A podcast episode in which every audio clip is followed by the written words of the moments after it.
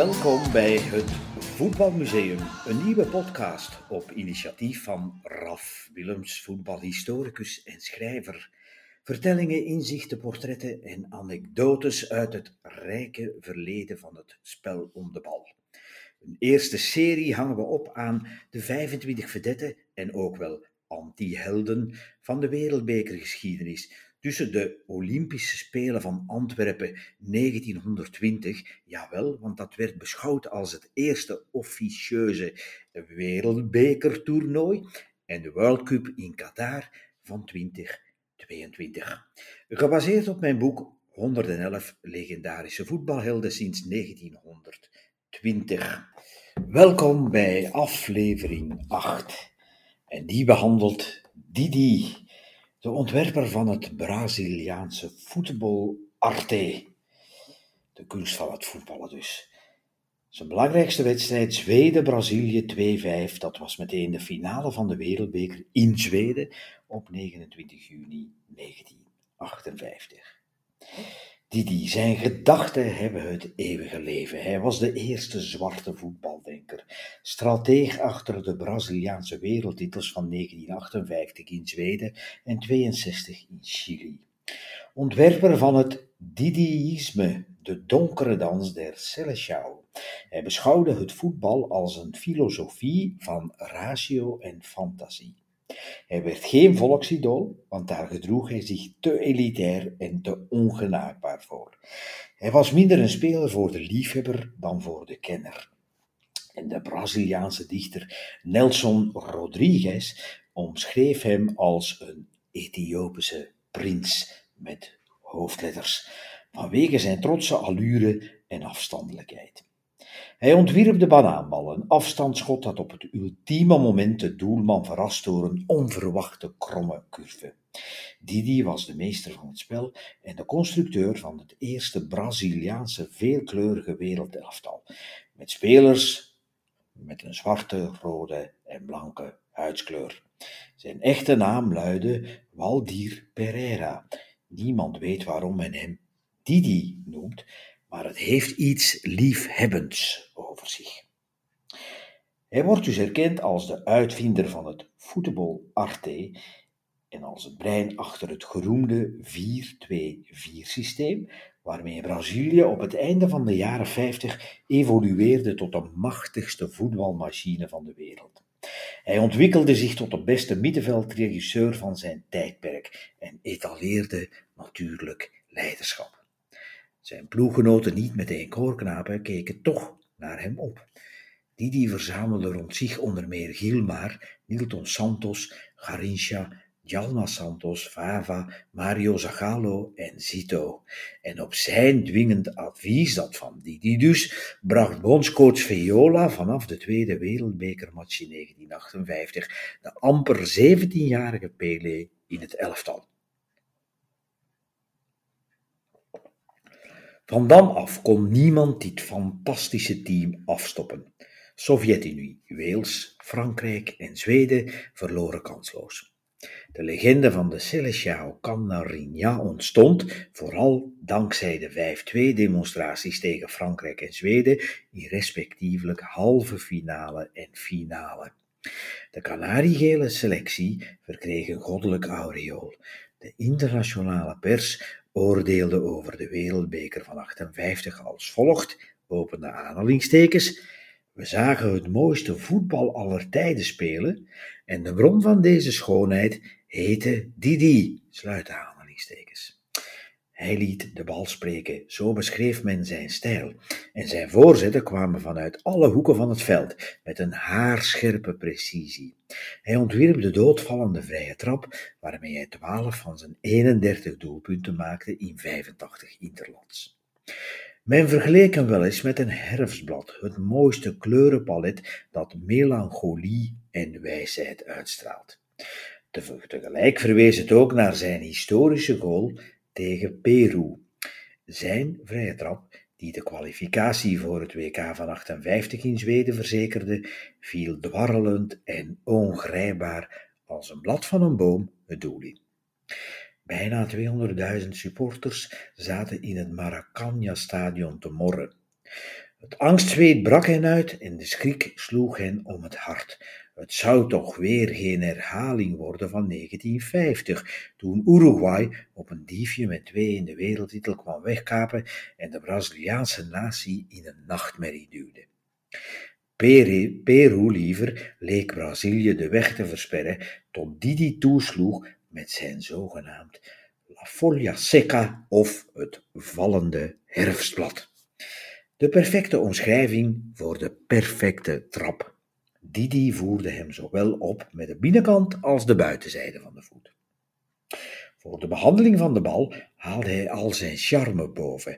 Hij noemde haar, tussen aanhalingstekens, liefkozend, opnieuw tussen aanhalingstekens, zijn meisje. En hij pochte over het feit dat hij nooit met zijn stuts op haar ging staan.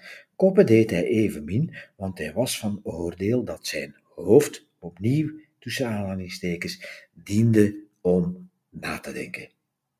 Terwijl hij de dribbel tot in detail beheerste, bediende hij zich enkel van dat middel als hij geen andere mogelijkheid meer zag. Hij genoot van het passeren van de bal. De techniek en het inzicht deden de splijtende 40 meter voorzit uitgroeien tot zijn karakteristieke specialiteit.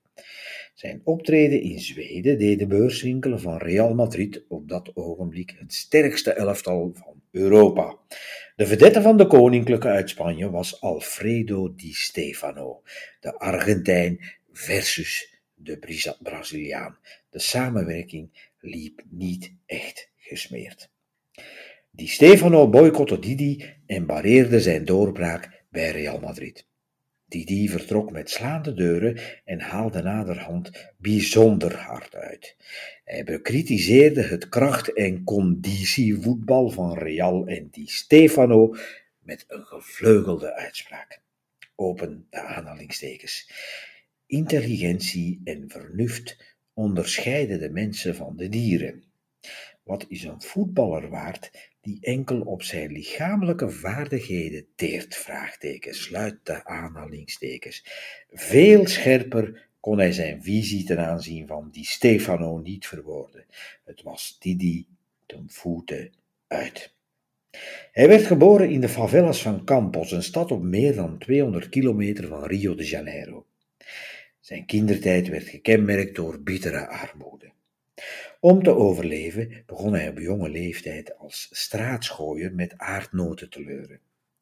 Hij vertelde dat het hem later heeft geholpen om tijdens contractbesprekingen het onderste uit de kant te halen, want volgens hem kan men enkel over armoede oordelen als men die zelf heeft beleefd.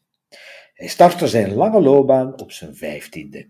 Meer dan 200.000 fans bestormden toen het Maracanã-stadion in de openingsmatch tussen een selectie van Rio de Janeiro en Sao Paulo en zagen dus de piepjonge Didi het allereerste doelpunt in het mythische stadion scoren. Maracanã werd voor hem een zeer vertrouwde omgeving. Als hij het veld betrad voor Interlands of de grote derbies van Rio de Janeiro, dan voelde hij zich thuis. Terwijl andere spelers het bestierven van de zenuwen, Voetbal was voor Didi als een tweede natuur, dat getuigde Pele over hem, die in hem een gids zag. Want dankzij hem liet de piepjonge Pele zijn bescheidenheid en faalangst achterwege. Didi beheerste en herdacht het strategiedebat, maar gaf het vooral nieuwe creatieve impulsen. Hij etaleerde voetbalinzicht, meesterlijk en majestueus, met een natuurlijke, zij het niet storende, arrogantie die tot be- en verwondering verplichtte. Didi voelde feilloos aan wanneer hij het spel moest vertragen of versnellen, wat binnen het avontuurlijke Braziliaanse elftal niet steeds vanzelfsprekend was. Wie de factor geduld onder de knie krijgt, heerst over de Celestiao. De technische superioriteit als gevolg van uren straat- en strandvoetbal leverde per definitie elke wedstrijd drie kwart balbezit op. Dat creëerde een hoge mate van kwetsbaarheid. Het vergde voor de uitvoerders kalmte, een vorm van intelligente berusting en vooral voetbaleruditie. Vanuit deze eruditie leidde hij op het WK 1962 in Chili zijn land opnieuw naar het goud. Pelé verdween al na het eerste duel uit die wereldbeker als gevolg van een zware blessure. Brazilië trad aan met vrijwel hetzelfde elftal als in 58. De ploeg had de hoogste gemiddelde leeftijd van het toernooi en voetbalde het traagst van alle deelnemers. Didi trok alle tegenstand naar zich toe en dribbelde zich uit de omknelling om Garrincha en Amarildo, de vervanger van Pelé, de ruimte te gunnen om te scoren. Op zijn 34ste belandde hij op een kruispunt, zowel het hoogtepunt als het eindpunt van zijn carrière. Hoewel Didi voetbal vanuit een kunstzinnig perspectief benaderde, zelfs met een zekere drang naar toewijding, bleek hij niet vies van het vuile werk. In de vaak bikkelharde confrontaties met Uruguay en Argentinië om het Zuid-Amerikaanse landenkampioenschap schaamde hij zich niet voor de schaar. Hij haalde met scheurende takkels uit als het spelbeeld dit vereiste. Omwille van zijn sterke persoonlijkheid baarde het dan ook geen opzien dat Didi bij Fluminense aan de slag durfde gaan, de aristocratische club van Rio de Janeiro, de oudste voetbalvereniging van Brazilië, gesticht in 1902 door jongelui uit de hoogste kringen, zogenaamd beschaafd en blank, niet voor zwarte, nog voor kleurlingen, en zo bleef het tot diep in de jaren veertig van de 20e eeuw. Fluminense was altijd het zogenaamde chique, deftige instituut gebleven van mensen die het wat hoger in hun bol hadden. Zijn medespelers noemden Didi na verloop van tijd meneer. Ze keken naar hem op. Hij gedroeg zich ook als een echte autoriteit. De man die werd bekroond tot wereldbeker topper nummer 1 van 58 liet niet met zich zollen. Bij Fluminense bleef hij ondanks zijn kwaliteiten en reputatie toch een outsider. Hij ergerde de leiding door langs de hoofdingang te arriveren, want de spelers dienden zich nederig op te stellen en het zijdeurtje te nemen. Hij vocht met de bestuursleden een stevig conflict uit over een deel van zijn inkomen dat na zijn scheiding naar zijn voormalige vrouw hoorde te gaan. Het feit dat hij durfde scheiden, deed zijn imago evenmin deugd. Hij kantte zich ook tegen de zogenaamde concentracio, de eindeloze verplichte aanwezigheid in trainingskampen. Hij eiste dat de spelers het recht kregen om met familie en vrienden te telefoneren. De manager van Fluminense verbood hem om zijn zwangere vrouw te bellen en deze druppel deed de emmer overlopen. Didi schroomde zich niet voor die houding. Ze leidde onverwacht tot gekleurde heerschappij en zijn Brazilië verbaasde en beheerste tussen 58 en 63 ruim vijf jaar de internationale verhoudingen. Hij had het blanke voetbalmachtspassion onderuit gehaald. Brazilië bood destijds zijn zwarte bevolking alleen hoop via de samba-swing in de muziek en de veelkleurige utopie van het nationale voetbalelftal.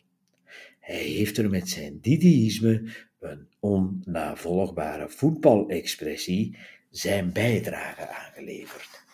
Didi, geboren op 8 oktober 1928, overleden op 12 mei 2001 kampioen met Fluminense één keer in 51 en met Botafogo drie keer 57, 61, 62, maar vooral met de nationale ploeg van Brazilië imponerend. Winnaar van de Pan American Games in 52, de Atlantic Cup in 58 en wereldkampioen in 58 en 62.